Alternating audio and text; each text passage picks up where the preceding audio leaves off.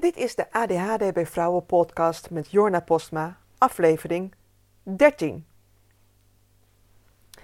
Welkom bij aflevering 13 van deze podcast. Jee, we hebben Blue Monday achter de rug. Vanaf nu kan het jaar alleen maar leuker worden. nou ja, natuurlijk is dat niet zo. Maar Blue Monday, dat was afgelopen maandag. En het is de dag van het jaar waarin je erachter komt dat je je goede voornemens weer niet hebt gehaald. En dat je baalt dat het nog steeds koud en donker is. En dat je bedenkt dat de lente toch nog best een heel eind weg is. En daar word je dan zagrijnig van. Dus de meeste depressieve mensen die vind je op Blue Monday. Nou was de afgelopen maandag natuurlijk prachtig mooi weer. Dan hadden we ook nog de bloedmaan. Maar toch Blue Monday. Ja, en nou e- heel eerlijk te zijn, de wetenschappelijke basis voor Blue Monday is flinterdun. Het is meer een leuke gimmick. En ik moet eerlijk zeggen dat ik dit jaar dat gevoel op Blue Monday ook helemaal niet had. Want het was prachtig weer. Wel ijskoud, maar het was prachtig. En ik ben ook expres vroeger opgestaan. Uh, ik ging om half zes ging de wekker om de bloedmaan te zien. Heb je hem gezien? Hij was echt heel erg mooi. Veel beter te zien dan de bloedmaan van afgelopen zomer. En als je hem gemist hebt, moet je wachten tot 2025. Dan is er pas weer een bloedmaan te zien in Nederland. Maar oké, dus we hebben de meest zagrijnige dag van het jaar gehad. Blue Monday. En nu? Wordt het dan vanaf nu alleen maar roziger en maneschijn en helemaal happy de peppy tot 31 december?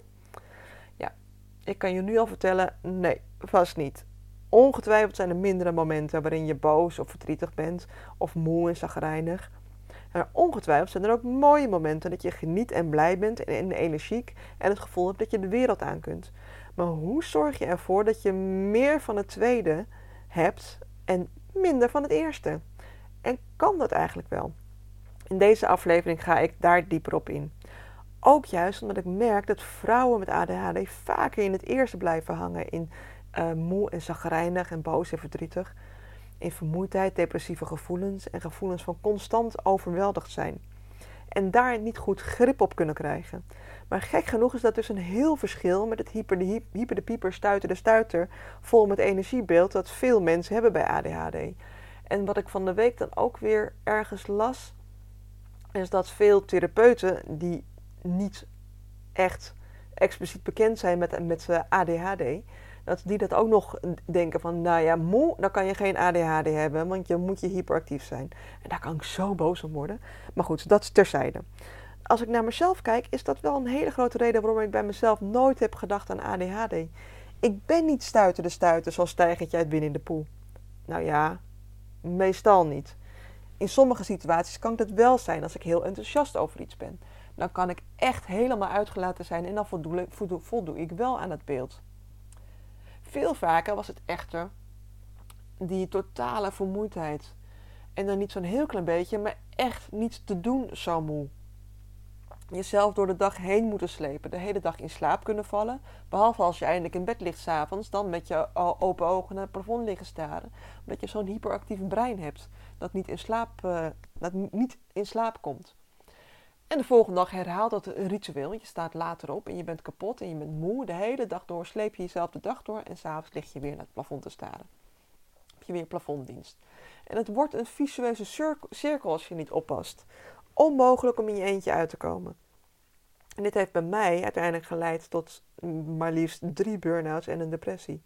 Ik zeg wel burn-out, nu denk ik eigenlijk meer dat het, dat het een combinatie is geweest tussen een burn, burn-out en een bore-out burn-out omdat ik constant probeerde om normaal te zijn, om te voldoen aan de verwachtingen die de maatschappij nu eenmaal in je stelt. En een bore-out omdat ik daardoor eigenlijk niet deed wat ik wilde doen en ik mezelf in een constante staat van onderprikkeling bracht. En wat zeg je? Ja, onderprikkeling dus. In aflevering 5, 5 van deze podcast geef ik je 5 tips om onderprikkeling te voorkomen. De link naar deze aflevering zet ik in de show notes. Bij overprikkeling heb je vaak wel een beeld, terwijl het fenomeen onderprikkeling veel minder bekend is, maar daardoor niet minder vaak voorkomt. In het kort is het dit. Onderprikkeling is als je te weinig wordt geprikkeld. Ja, dat ligt natuurlijk voor de hand. Maar wat gebeurt er dan in je brein? Als je een vaste luisteraar van mijn podcast bent, dan heb je me al vaker gehoord over dopamine en noradrenaline.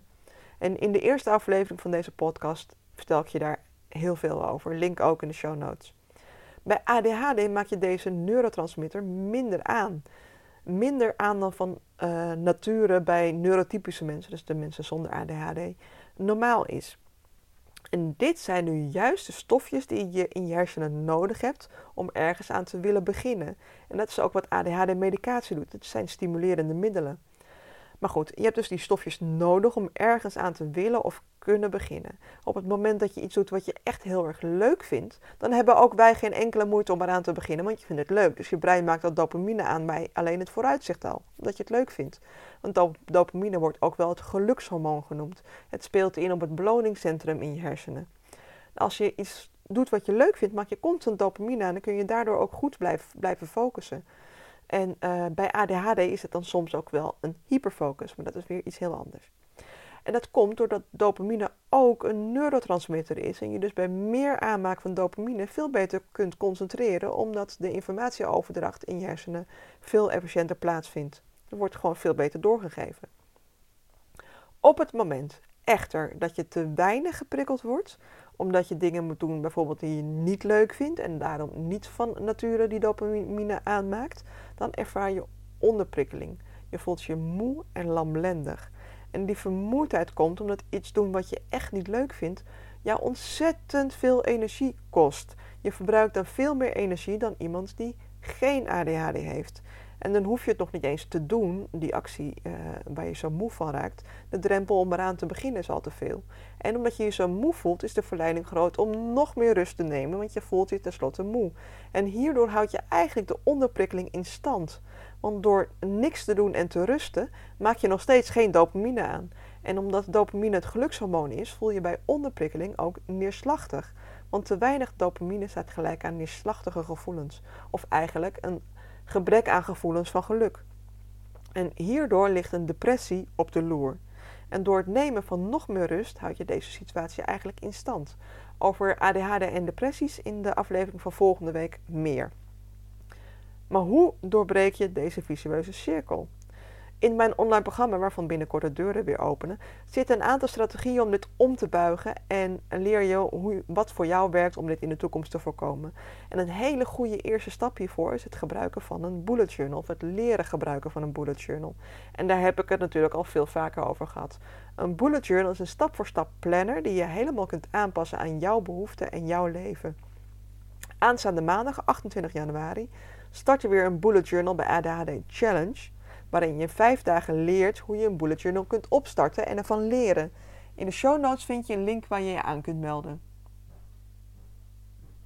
Want het vermijden van een depressie of een bore-out kan natuurlijk niet door altijd alleen maar de dingen te doen die je leuk vindt. Ook wij moeten eraan geloven om dingen te doen die we niet leuk vinden.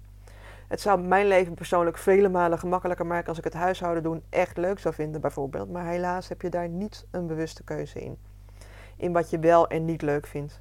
En het maakt ook niet uit, want het moet gebeuren. Niet doen is geen optie, want chaos. En mijn chaos-tolerantie is niet zo heel erg groot. Want juist dan vind ik het steeds moeilijker worden om er iets aan te doen. Juist als de chaos om mij heen groter wordt, wordt het steeds moeilijker voor mij om eraan te beginnen. En mijn bullet journal is voor mij daarin echt een lifesaver. Juist door het gebruiken van een bullet journal kan ik mijn leven, niet alleen mijn huishouden, maar mijn leven zo structureren dat ik het wel doe. Omdat mijn to-do-lijst niet ellenlang is, maar een werkbare lijst met dingen die ik vandaag moet doen. En kleine dingetjes die ik af kan strepen. Want juist door het afstrepen van kleine taakjes, van deeltaakjes, krijg je een goed gevoel. Je maakt dopamine aan. En hierdoor wordt het weer gemakkelijker om aan een volgende taak te beginnen. En omdat je het op die manier inricht, wordt het ook makkelijker om grotere projecten af te ronden, omdat je deeltaak voor deeltaak inplant en afstreept.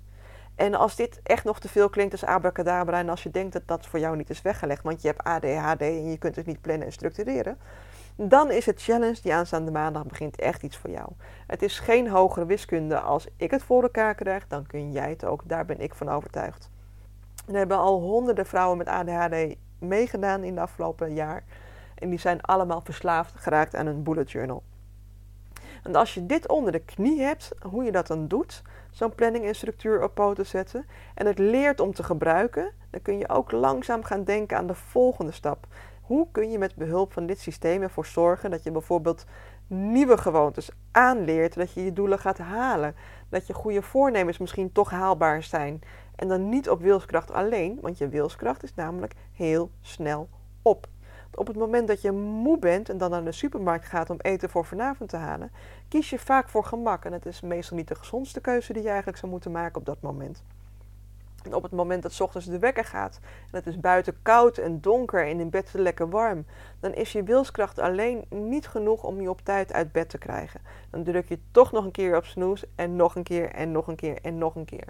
Laten we elkaar geen mietje noemen, zo is het gewoon. Zo was ik ook, echt. En nog steeds, als ik niet oppas. Op het moment dat je stijf staat van de stress op je werk en je collega biedt je een sigaret aan, is je wilskracht niet groot genoeg om nee te zeggen. Als je rookt, natuurlijk. Want op het moment dat je naar de sportschool wilt en buiten regent het en het is koud en binnen is warm en gezellig en je partner zet net een aflevering van je favoriete Netflix-serie op, dan is je wilskracht echt niet sterk genoeg om dan toch de verstandige keuze te maken. Want dat is het. We denken allemaal dat we de goede voornemens dit jaar wel gaan halen. Want dit keer willen we het echt. Ja, maar dit keer gaat het wel lukken. Dit keer lukt het echt.